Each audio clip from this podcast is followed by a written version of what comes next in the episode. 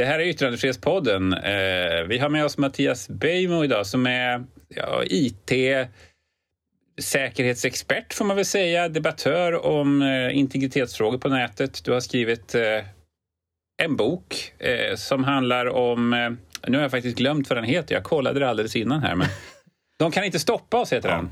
Stämmer. Och den handlar väl egentligen om, ja, beskriv själv, vad handlar den om? Nej, men De kan inte stoppa oss handlar om eh, en ung kille i Syrien som heter Bassel Khartabil. Och han kan väl enklast beskrivas som en slags Syriens version av Edward Snowden. Mm. Um, och hans kamp med hjälp av väldigt mycket digitala hjälpmedel för den fredliga eh, demokratikampen i, i Syrien under 2011-2012 där. Eh, och hur det här eskalerar som en katt och råtta-lek där där liksom Syriens statsapparat och säkerhetstjänst jagar honom och hans gelikar. Eh, inte bara fysiskt jagar dem efter gatorna i, i Damaskus utan också jagar dem online om man säger så. Och det här, varför det intresserade mig var för att det var som en petri dish, som en alltså experimentskål eller experimentverkstad för det vi ser nu när det gäller eh, övervakning av oliktänkande och och kartläggning av åsikter för att slå ner demokratiska uppror. Det vi ser liksom i Belarus till exempel är, är, är ju verkligen en kopia mm. av det som man liksom var nästan pionjärer på, om man uttrycker det så, i Syrien. Just det. Just det, vi kanske ska introducera oss själva också, Jenny. Jag ja. heter Jesper Bengtsson och är ordförande för Svenska PEN och leder den här yttrandefrihetspodden. Och jag heter Jenny Aschenbrenner och eh, gör den här tillsammans med Jesper. Um, men vad spännande. Det där är väl också, liksom, man, det, Mattias, tänker jag, lite grann det du har skrivit mycket om, den där dubbelheten i som, teknikutvecklingen som hela tiden rör sig åt två håll mot liksom, så ja, ska man säga, övervakning å ena sidan, att man då så här, bryter sig in i information, privat information, och å andra sidan då begränsning, censur av information åt andra hållet, så att säga. Mm. Verkligen. Och det där är ju ett tveeggat svärd. Och jag Häromdagen så var det någon som påminde mig om att jag en gång hade skrivit någonting om Akilov och att jag där liksom satte foten, eller det var någonting i alla fall, i den andra vågskålen. För jag var faktiskt inte så långt ifrån Drottninggatan, jag var väldigt nära Drottninggatan när det här hände då, eh, terrordådet på Drottninggatan. Och då, eh, jag var inte alls så att jag liksom var i någon fara, det vill jag inte påstå alls, men det var ju jätteläskigt på alla sätt och vis. Mm. Och i någon slags lite affekt i det där så började jag tänka på att gå igenom då och titta på de, de liksom digitala forensiska eh, bevismaterialet sen mot Akilov. Och det hade ju varit faktiskt då ganska enkelt att kunna liksom i mönsterigenkänningen av hans digitala vanor och sätt att agera. Han stoppade till exempel in 52 olika simkort på en ganska kort tid i sin mobiltelefon. Det är typiskt sånt beteende som skulle signalera i en övervakningsstat i Syrien till exempel att här är någon som håller på någonting och försöker dölja sig väldigt väl. Vi kanske skulle mm. kolla vem det här är och varför. Så det hade nog, i en övervakningsstat så är det inte tu tal om att det hade kunnat förhindras. Och jag menar, som vi ska kanske prata om senare, det här tänker jag nu på mycket också i coronans tid att ja, visst, Sydkorea, fantastiskt vad de har klarat av sin pandemi och det är naturligtvis mm. bara för deras tekniska hjälpmedel, ironi inkluderad. Um, men det är samma tänk där, att man är lite sugen, jag också, att bara, ja men ja, varför inte? Mm. Mm. Men eh, tänkte vi skulle prata lite först om det här med hackning och avlyssning och sådär. Du var inne lite på det där, den där holländaren. Mm. Det, var, det kanske mer av, var mer av det dråpliga slaget, men ja. Men har vi skäl att vara bekymrade? Nu, nu sitter vi och pratar med varandra i Zoom och sen så spelar vi in våra saker på våra mobiler. Mm. Det har varit diskussioner om att Zoom inte är helt säkert. Eh, alltså, behöver vi vara bekymrade eller är det bara liksom, den tidiga teknikens... Eh, att vi är ovana och lite rädda för den än så länge? Är det liksom videovåldsdebatten igen fast omvandlad till ett sånt här forum? Nej, jag, jag, jag tycker väl att det, alltså, oro det vore dumt om vi blev för oroliga, därför att eftersom våra liv blir allt mer och är väl till stor del, som du säger, digitaliserade. Vi sitter här på en digital amerikansk plattform och, och, och, spelar in det här samtalet. Nu kanske inte vi kommer säga några statshemligheter här, vad vet jag. Men, men jag menar, ska man göra någonting hemligt idag, ehm, till exempel när jag gjorde researchen till boken jag skrev, så såg jag ju till att inte ha någonting digitalt i närheten av mig, alltså på, på 100 meters avstånd. Alltså det, det, det, det, om man gör någonting, eh, och det kan ju vara olika saker i olika länder vid olika tillfällen, eh, så ska man se till att inte använda någon digital teknik.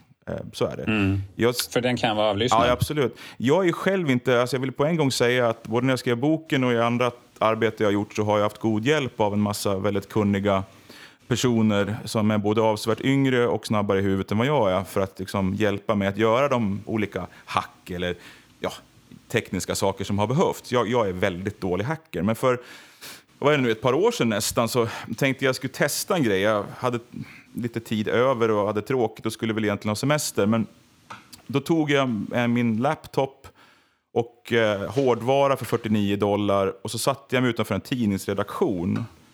Um, och med hårdvaran och en programvara eh, så hackade jag mig in i tidningsredaktionens wifi.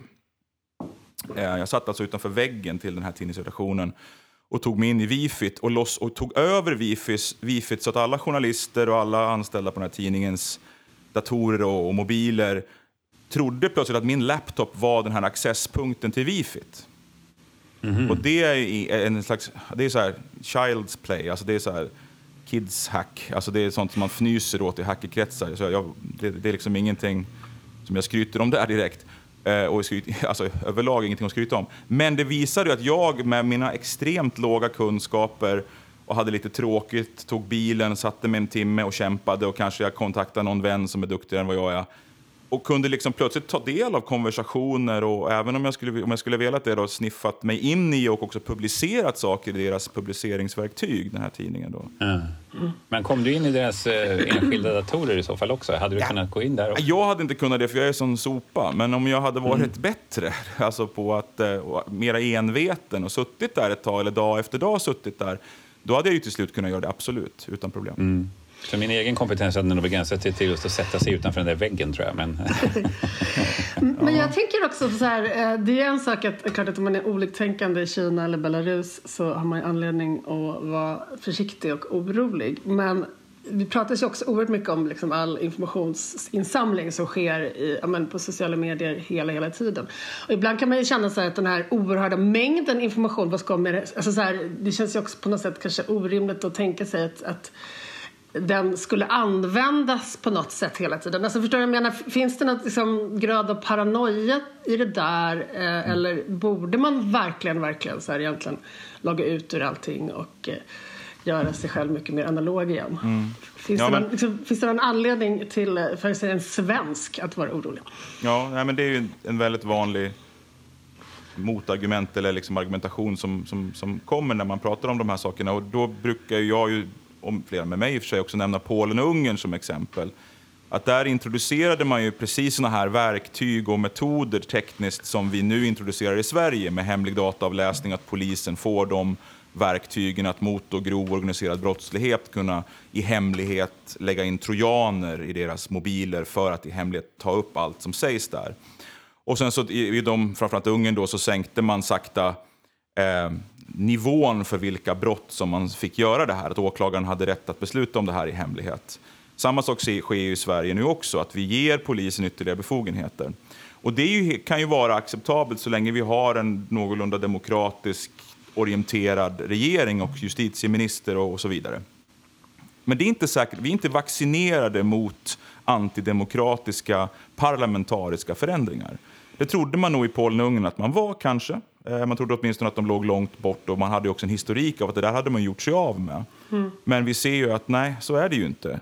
Och nu när den då antidemokratiska parlamentariska utvecklingen sker i de länderna så finns verktygen där. Både de juridiska verktygen och de teknologiska verktygen. Och de tar man ju inte bort i det läget. De är ju där för att stanna. Så det är ju risken ja, även för oss. Och, och, det håller jag ju på flera sätt med om. Jag ska säga det, jag och Mattias har också skrivit artiklar om, om bland annat den, där, den lagstiftningen som, som du nämnde där Mattias. Mm. Men, eh, men den naturliga invändningen då, det är ju att Ja, okej, okay. säg att man inte genomför sån lagstiftning nu som gör att man kan spionera på organiserad brottslighet. Säg att vi får en antidemokratisk utveckling. Det kan väl inte ta mer än ett par veckor för en ny regering att trumma igenom exakt samma regler om de skulle vilja. Så vad är det man tjänar egentligen på att inte göra det nu? Eh, jag tänker att regeringarna i Polen och Ungern de hade gjort det ändå, även om det inte hade funnits på plats. så att säga. Det är möjligt att de kanske hade gjort det, eh, och, och det är väl, men, men för att någonting är riskfyllt och skapar en ytterligare angle of attack så att säga på demokratin så är det ju skäl nog att inte implementera den kan jag tycka. Det andra är att eh, jag tror att, att, vi, att vi börjar acceptera, att vi vänjer oss in i den här typen av övervakning skapar ett, ett lägre och ett sämre skydd för oss människor, medborgare, den dagen det kommer. Vi vänder, det här har ju varit ett sluttande plan med den FRA-lagen och nu då snackas det om att nu ska det ändå trots allt inkludera svenska medborgare. En kort, alltså, FRA-lagen och datainsamlingen från telebolagen sades ju och svors det ju väldigt oj, oj, oj att det skulle aldrig gälla svenska medborgare. Medan nu så skriker FRA efter att det ska gälla svenska medborgare eh, några år mm. efter. Och debatten och här... är ju inte alls lika hetsk heller, vilket ju är Nej, intressant. Liksom. Exakt. Liksom. För vi har ju vant oss. Liksom. Ja. Jag tänker också att vad som lite grann för kanske den vanliga svenska medborgaren så har ju det som varit mer kännbart kanske har ju varit den som kommersiella mm. användandet av information. Mm. Vilket ju också skapade en enorm paranoia i början när man upptäckte att det jag sa eh, plötsligt dök upp som en annons i mitt sociala medieflöde. Men till och med där kan man känna den här långsamma tillvänjningen som du pratade om. Att man till slut mm. inte riktigt orkar uppröras ens över ganska så här gro grov liksom, integritetskränkning när det gäller liksom, det kommersiella användandet. Och då kan man ju tänka att det kommersiella användandet kanske banar väg för ett politiskt eller säkerhets eh, liksom, mässigt användande. Verkligen. Jag tycker just att den här kopplingen mellan det kommersiella och det, det statliga och överstatliga övervakningssamhället är ju hundraprocentig. Eh, när jag skrev om, om Bassel och, och hans eh, vänner eh, i Syrien så var det ju tydligt att först så slog Assad eh, och hans säkerhetstjänst beordrade att slå av internet. Stäng av internet, förbjud sociala medier. För att där sprids det här nya budskapet om demokrati. Och det var ju hökarna i hans regering och hans, han, hans släktingar där som är ju, ja, eh, hans eh, kusin bland annat som är militär, var militärchef då, är väl fortfarande kanske. Så det var, stäng av internet, det är dåligt och så vidare.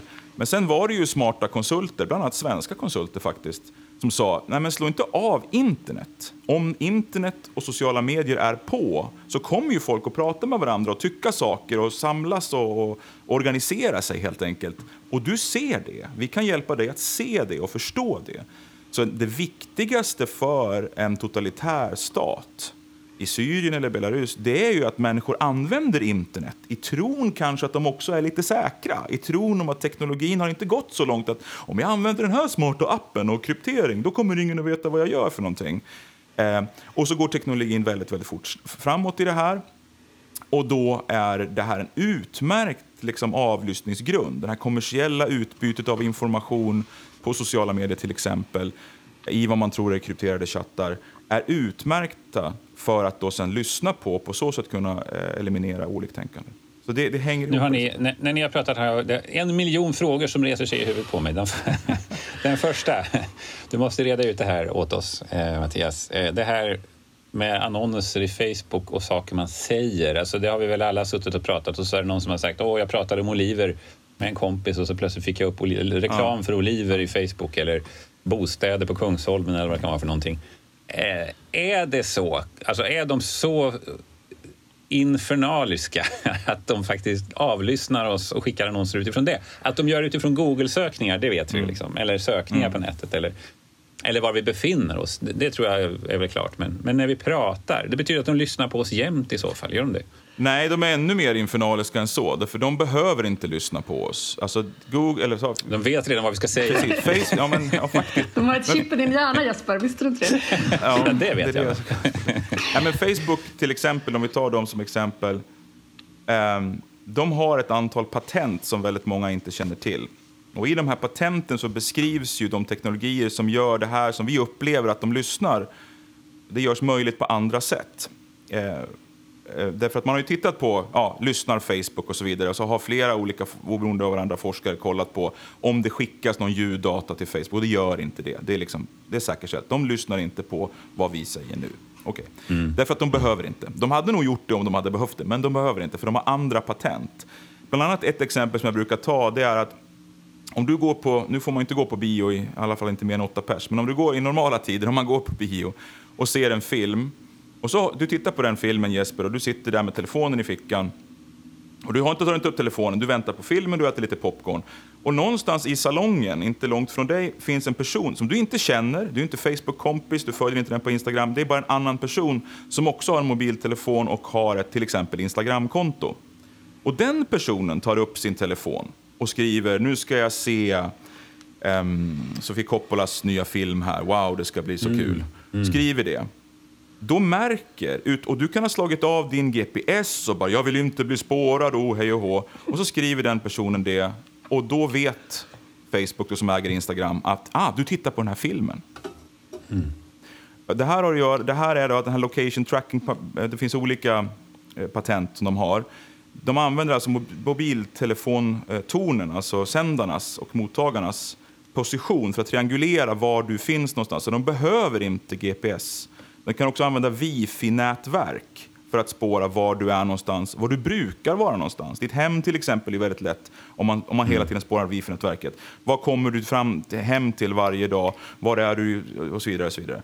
Eh, Var är din arbetsplats? Mycket lätt att ta reda på. Allt det där sparas för att förstå hur du rör dig, vad du tittar på när du gör det. Så då kanske du tycker att du har varit på en Sofia Coppola-film och inte sagt någonting om det. Och plötsligt vet, hur kan de veta det? Och föreslå liksom Virgin Suicides eller en annan äldre Sofia Coppola-film. Hur visste de det? Så att det finns en massa saker som människor inte känner till, som de här nätverken gör, som är ja, så integritetskränkande att, att man kan liksom inte ens få runt huvudet på det. För naturligtvis, får jag bara, det blir långrandigt, jag vet, men Norra Bantorget första maj. Alltså, om du kollar på en Sofia Coppola-film eller inte, jag menar, det säger väl kanske någonting om din filmsmak och så vidare. I det här fallet ganska god skulle jag säga. Eh, men om du står är du på Norra Bantorget första maj så kan man ju anta att jag vet vad du gör. Så det blir ju en form av åsiktsregistrering i det här, vilket är jättebra om man, som jag har gjort under mina snart 25 år i det här, att man vill använda det för att hjälpa organisationer att förstå vem som har vilka värderingar. Det är jättebra, men det är åsiktsregistrering. Den andra saken som fladdrade förbi huvudet på mig det var när du sa, och då, då blev jag lite desillusionerad, du sa du talade hånfullt eh, om eh, de, de, de appar vi tror är krypterade. Finns det inte såna? Alltså? Jag använder själv såna ibland och tänker att nu är jag i alla fall säker. Ja, det där är, det där är så jäkla läskigt. I arbetet med boken jag skrev så, så hade jag också det alltså, antagandet att ehm, ja, men det finns teknologier som är helt okrossbara. Det vill säga, där kan jag kommunicera på eh, sätt som gör att ja, men, vet jag bara att, att den enhet som den andra personen håller i, bara jag vet det, då är det ingen som kan avlyssna vår, vår konversation. Men det visade sig vara fel. Eh, några av de källor jag pratade med kunde visa mig eh, de, alltså, det, det är slags eh, uppdateringsfiler för de här övervakningsprogramvarorna. Vilka då en av dem, eh, som, het, som är ett, av ett företag som heter Enea, som heter Cosmos. Programvaran heter Cosmos, företaget Enea, svenskt. Eh, De uppdaterar hela tiden sina applikationer som används av regeringar ute i, i världen med en slags uppdateringsfil. Ungefär som antivirusprogram måste ju uppdateras för att det kommer hela tiden nya virus. Är ni med? På samma sätt måste de här applikationerna, avlyssningsapplikationerna uppdateras för att det kommer nya krypteringsmetoder. Och När jag fick ta del av liksom hur ofta och hur kraftfullt de här uppdaterades eh, ja, så fattar jag att okej, nej, men man ska inte, om det verkligen gäller livet, så ska man inte lita på någon teknologi alls. Mm, och då ska man inte heller ha, eh, alltså så här, du säger det 100 meters avstånd, hade, du hade all teknologi Ja, ja. minst från dig. Ja. Okej. Men då är det utloggad som gäller helt enkelt. Och röksignaler. Jag utloggad och, och liksom, alltså, nu sitter jag här med min mobil här, liksom, den ligger här. Jag skulle aldrig prata mer om någonting känsligt om den här mobilen låg i det här huset jag sitter i ens. Aldrig. Nej, nej. Och då har vi inte nämnt ordet Kina än bara. Nej, Det. vi har inte det. Vi har inte det. Men nu slår vi ambassadör, vi har inte talat illa om Kina än, bara så du vet. Ja. Vi tänker det bara. Ja. Men jag tänkte en aspekt du har skrivit en hel del om, eh, Mattias, är ju det här med övervakning på arbetsplatser. Mm. Ehm, men eh, varför har det blivit så intressant för arbetsgivare att ägna sig åt? Ja, det är en väldigt bra fråga. Varför har det blivit så intressant? jag tror att det är så här, dels har teknologin blivit så lättillgänglig och så billig. Eh, förut innebar det här liksom ett stort IT-projekt att installera de här eh, produktivitetsmätande, avlyssnande och kontrollerande programvarorna som, och sådär. Eh, så att det, det har ju varit ett skäl, att det nu är ganska, man betalar 49 dollar i månaden och så ligger allt i molnet och kan startas på en timme. Det, det är där vi är just nu. Um, och det gör att fler arbetsgivare kommer på att det här var en bra idé, det är så låg tröskel in och sådär. Mm. Men en annan mer intrikat, tror jag, orsak till det här, det är att vissa yrkesgrupper och samhällsklasser i samhället har alltid varit övervakade på arbetsplatsen. Eh, jag menar stämpelklockan och som brukar säga den, eh, Magnus Härenstam i filmen Tuppen från 81. Liksom, ja, jag, vet att jag jobbade med så här, telemarketing när jag var student. Mm. Då gick de in och lyssnade på en samtal. Ja, så här. Precis. Utan att man visste om det. Ja. Och hade en loggbok där de skrev upp toalettbesök. Ja, ja men precis. Den är så här, det, det har ju funnits, och det är en amerikansk 50-tals, 60-tals tradition som har förts med. Men vad som händer nu, det, och det, är, ju, det är ju det för att, att, man, vill, man vill minska personalstyrkan, alltså få människor anställda som möjligt, som är så produktiva som möjligt och ger så mycket vinst som möjligt. Och det är industrin och callcenter och allt det där, lågstatusyrken, absolut. Fint. Eh, nu börjar man se i, i AI-utvecklingen och teknologiutvecklingen att man kan börja också optimera och även ersätta tjänstemännen. Alltså lite mera då vad man säger högstatusyrken och lite mera inom stora citattecken avancerade yrken. Stora citattecken. Och i och med att man börjar se det, då blir också vinsterna om man gör det högre. Och det är en helt ny liksom, värld som öppnas upp av produktivitetsmätning, effektivisering, rationalisering och så vidare. Alltså en slags För att de helt enkelt har högre löner, så att om man gör sig av med några exakt, exakt. mer högavlönade människor precis. så blir det... Liksom, ja. Precis, varje FT, alltså FTE, full-time employee-kostnad, är högre. Liksom. Mm. Um, och potentialen är mycket högre. Så det driver också på liksom, viljan och att, att men det här måste vi göra mer av. Så det, det är väl därför mm. det blir starkare och starkare. Du skrev en artikel eh, bara för några dagar sedan tror jag om just det här övervakningen på ja i våra datorer? Och... Ja, jag har följt under vad är det nu, ett och ett halvt år så har jag följt den här utvecklingen eh, i ett projekt. Och eh, det, om man ska, det är ju väldigt mycket som man har sett där, eller jag har sett där. Eh, och det, det senaste är ju att Microsoft Eh, och det har, de ju, det har varit lite grann sån här, det har ju vi vetat om, vi som jobbar med såna här saker, men det har liksom inte blivit någon debatt om det. Jag vet att PC för alla, eller den här tidningen heter, utmärkt tidning för övrigt, hade 2017 någon, någon artikel om det här. Och det är att Microsoft har i sin då Office 365, alltså det vi alla använder på jobbet, Word, Excel, och så sparar vi dokument i ett moln och så vidare. Och så vidare. I den programvarusviten så finns det liksom en modul som mäter på individnivå, på allra mest finkorniga nivå, exakt vad du Jenny, exakt vad du Jesper gör och inte gör i ditt Word-dokument, i ditt Excel-dokument, i din mailkonversation med andra på arbetsplatsen och även utanför arbetsplatsen såklart. Eh, chattar, Teams-möten, eh, allting, allting mäts, mäts, mäts, mäts, mäts, mäts, mäts och går ner på individnivå. Det här sitter alltså default från början påslaget i Office 365 som används världen över. Den absolut mest använda programvaran whatsoever i alla organisationer i hela världen. Mm. Och då menar jag inte bara privata organisationer, jag menar också myndigheter etc. etc, etc. Eh, det här gör ju att, jag menar, eh, det här är ingen så här konstig i någon källare i Kina sitter det någon och bygger en spöklik programvara som man om man är hysch-hysch och möts i en gränd kan installera på företagets servers. Nej, det är default i den mest använda programvaran på företagsorganisationer i hela världen. Mm. Men kan man, tänker ni att man kan se en glidning där också? Att, alltså att vi kanske är beredda att godta det på arbetsplatser också för att många känner sig utsatta i yrkeslivet. Man vågar inte ifrågasätta så mycket. Man är så okej, okay, de vill se att jag jobbar, det är klart jag jobbar. Men att om man godtar det där så är man också beredd att godta det på samhällsnivå. Samma förskjutning som i den kanske kommersiella övervakningen så att säga. Liksom. Mm, verkligen. Ja, men helt klart. Det är verkligen så att att de, den förskjutningen som vi, som vi har också vant oss in i, det, som ni själva sa nyss här, eh, Facebook, Google, Apple, alltså den här övervakningskapitalismen i våra liv har gjort oss helt vana och trygga med att ja, men någon lyssnar, någon, någon ser vad jag gör. Eh, och då är man inte så chockad över att chefen ser vad man gör. Det finns amerikanska undersökningar, flera stycken, som visar att attityden till det här på en direkt fråga, så där, tycker du att det är schysst att bli övervakad på jobbet? Accepterar du det? Ja, man, då är det en majoritet som säger, inte en stor majoritet, men en majoritet som säger ja, det är okej. Okay.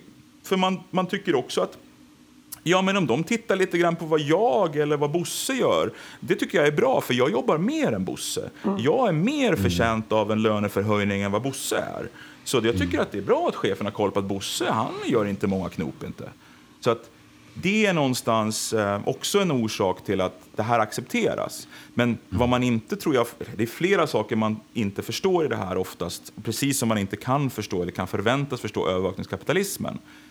Eh, det är ju att den här datan som man samlar in, den används ju inte bara till att sen säga hörru Bosse, nu får du ändå sätta fart lite, utan den används ju faktiskt att försöka hitta några man ska kicka och faktiskt också för att träna eh, artificiella intelligens att också ersätta Bosse.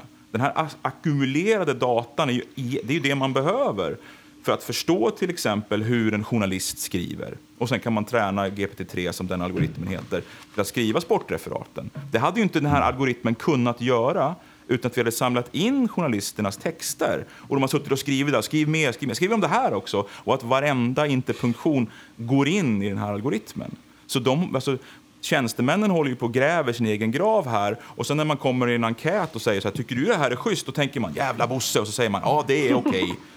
Det, det, är liksom, man förstår inte, och man kan ju inte förväntas förstå heller detta eftersom bland annat då fackförbunden har just vaknat till den här svanesången. Hade du någon fråga Jesper? Nej, inte nu. Jag försökte faktiskt bara ta en liten skärmavbild här så att vi kan ha en bild ja, på oss alla tre. Härlig, så nu vet ni det. Jag har, jag har fotograferat er faktiskt eh, under tiden här. Nej, men jag på tänkte, tal om eh, övervakningssamhället. Jag tänkte ändå att, att man ville komma in på det som vi har pratat om lite förut men som vi ville fråga dig om också Mattias om coronan och övervakningen. Alltså så här, hur vad skulle du säga att det är de mest tydliga och mest så här, oroväckande eh, så här, exempel på att, att övervakningen har ökat med corona, det har vi konstaterat. Men var, känner du mest, så här, vad ska man säga, var bränner det mest när det gäller den frågan? Ja, Kina är naturligtvis den som man direkt tänker på som, som nu fortfarande då har kvar alla de här metoderna att eh, eh man, att man får då en, en, en symbol, en QR-kod i sin mobil som visar om man, om man är okej okay, eller om man är risk eller om man de facto ska spärras in. Fast man har då fått ner smittan eh, rejält, alltså den är ju i princip borta i stora delar av Kina, så har koderna hängt kvar. Um, och det var ju inte oväntat och, och, det var väl fler än jag som i mars redan sa att ja, men det där kommer de inte ta bort sen. Utan de kommer ju ha de här koderna som ger då access till olika delar av samhället Ehm, baserat på väldigt annorlunda saker och eh, många saker utöver om man har testat eh, positivt eller negativt för covid-19. Grejen är, och vad jag är mest oroad över, vad jag är mest oroad över just nu det är att Sverige har hittills på mycket fördelaktigt sätt hållit sig utanför den här hysterin av att nu ska vi ha en app och den ska göra att vi, oj vad vi kan smittspåra jättebra och så vidare. Det finns ingen forskning som kopplar ihop att man har varit duktig eller bra på att bekämpa covid-19 och de här apparna. Det finns ingenting däremellan. Och det har också Tegnell och även andra i den svenska administrationen och regeringen haft full koll på och det är jättebra. Vad som oroar mig är då att när man anordnar då ett hackathon som man har gjort från digitaliseringsmyndighetshåll i Sverige så prisar man en app som går ut på att man ska gå till då antagligen ett privat, ja, för det finns ingen kapacitet annars, och testar sig eh, negativt för corona. Då skickar mm. man in det här testet, då får man i den här appen en grön symbol som gör att man får access till samhällets olika funktioner. Man kanske får gå på krogen också, man kanske får åka flyg dit man vill och så vidare. Och det här har man då prisats för. Den här entreprenören har prisats för att ha tagit fram den här av regeringen. Det är oroväckande. För jag tror att det finns strömningar politiskt som vill haka på det här. För det visar ju på någon form av innovation, det visar på någon form av handlingskraft mot coronan. Eh, men vad det gör är att vi får ju vi får ju då en klass som har råd att gå för 2000 spänn att testa sig varje vecka för corona och få den här gröna, appen, gröna symbolen i appen uppdaterad. Eh, det är inte alla som kommer att ha råd med det. Vi har också de som inte, som inte kommer att testa eh, negativt för corona utan de kommer att testa positivt därför att de är de som kör maten till våra dörrar när vi sticker ett huvud och med ett litet finger tar den här påsen med levererade hamburgare till oss. De kommer ju inte att få den här gröna lika ofta som, som de som har råd att hålla sig inomhus och beställa den här maten. Mm. Vad vi också får, det är att vi får ett märke som ger oss access till olika delar av samhället eller inte. Och Det där har vi ju provat förut, det här med märken. Nu kommer de vara på en smartphone-skärm, tidigare var de på kläder. Mm. Så det är en, ja, det är en, och det, den utvecklingen är ju ett faktum i Kina. Eh, den är ett faktum i andra länder också, så kallade demokratier. Eh, och vi överväger tydligen det också eftersom vi prisar sådana här initiativ. Jag blir, jag, jag vet inte, jag, jag tror inte det var sant när jag läste helt enkelt. Mm. Men du pratade, vi pratade i början om, här om liksom att, så här, teknisk okunskap som ställer till det i den här tiden när vi måste använda massa teknik, alltså också säkerhetsmässigt. Men finns det också en politisk naivitet inför vad den här tekniken kan åstadkomma, tycker du Mattias? Ja, det finns en, som, som vanligt så finns det två saker som polit, politiken har problem med. Politiken har ett problem med kunskap om den här innovationen. Man pratar gärna om innovation, man pratar gärna om, om big data, man pratar gärna med ett antal, och massa saker så här, AI gärna också, som man har ingen aning om. Man har inte den tekniska kompetensen att kombinera med den politiska viljan. Och det är ju farligt. Det är så vi får eh, miljöförstöring på grund av miljögifter. Om vi tar den industriella revolutionen till exempel. Där skulle det byggas fabriker och så hällde man ut all skit i floderna i Europa. Det är ju precis det som händer. Man fattar inte konsekvenserna teknologiskt. Man, och, och, och, svaret på det här brukar vara ja men vi har massa jurister som, som håller koll på Nej, men jag sa inte juridiskt. Alltså det är juridiken. Det behövs inte en jurist till någonstans. Därför jur, juristerna kan inte heller tekniken. De kan lagstiftning, men det, har, det, är den, det är inte där vi behöver, utan vi behöver förstå teknologin för att kunna fatta rätt, rätt beslut om teknologin. Ja, det behövs etik, ja, det behövs juridik, ja, det behövs politik, men tekniken fattas helt. Så det är det största problemet.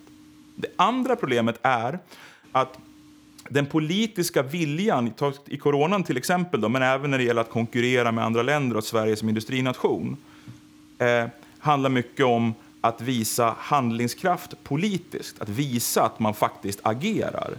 Och då till exempel när man känner att man halkar efter, må det vara i, i, i AI-sammanhang eller må det vara i eh, telekomsammanhang, ta Ericsson till exempel, juvelen i vår svenska krona, ja, men då ska vi inte bromsa Ericsson från att bygga 5G. Eller vi ska inte bromsa dem för att bygga eh, små tappkranar av övervakning som de bygger in i varenda nätverk de bygger. Det kan vi inte bromsa dem ifrån, för gör inte de det, då kommer någon annan att göra det, såklart. Och då vill vi absolut inte bromsa den här utvecklingen, för vi har vi inte råd med som industrination och så vidare. Och då är mänskliga rättigheter bara en, liksom, ett piss i Mississippi i det sammanhanget. Mm. Du, det där tycker jag blir alldeles utmärkt avslutning. Eller nåt, Toppen. jag vet inte riktigt. nu känns det härligt. Mm. Ja. Vi surfar vidare. Mm. Ja, precis. Eh, jättetack Mattias. Tack. Superintressant diskussion. Och eh, vi får anledning att samarbeta vidare någon gång tror jag. Trevligt, trevligt. Frågorna står på dagordningen, så kan man säga. Tack. Tack ska ni ha för idag. Tack ska ni ha. Ha det fint. Hej då.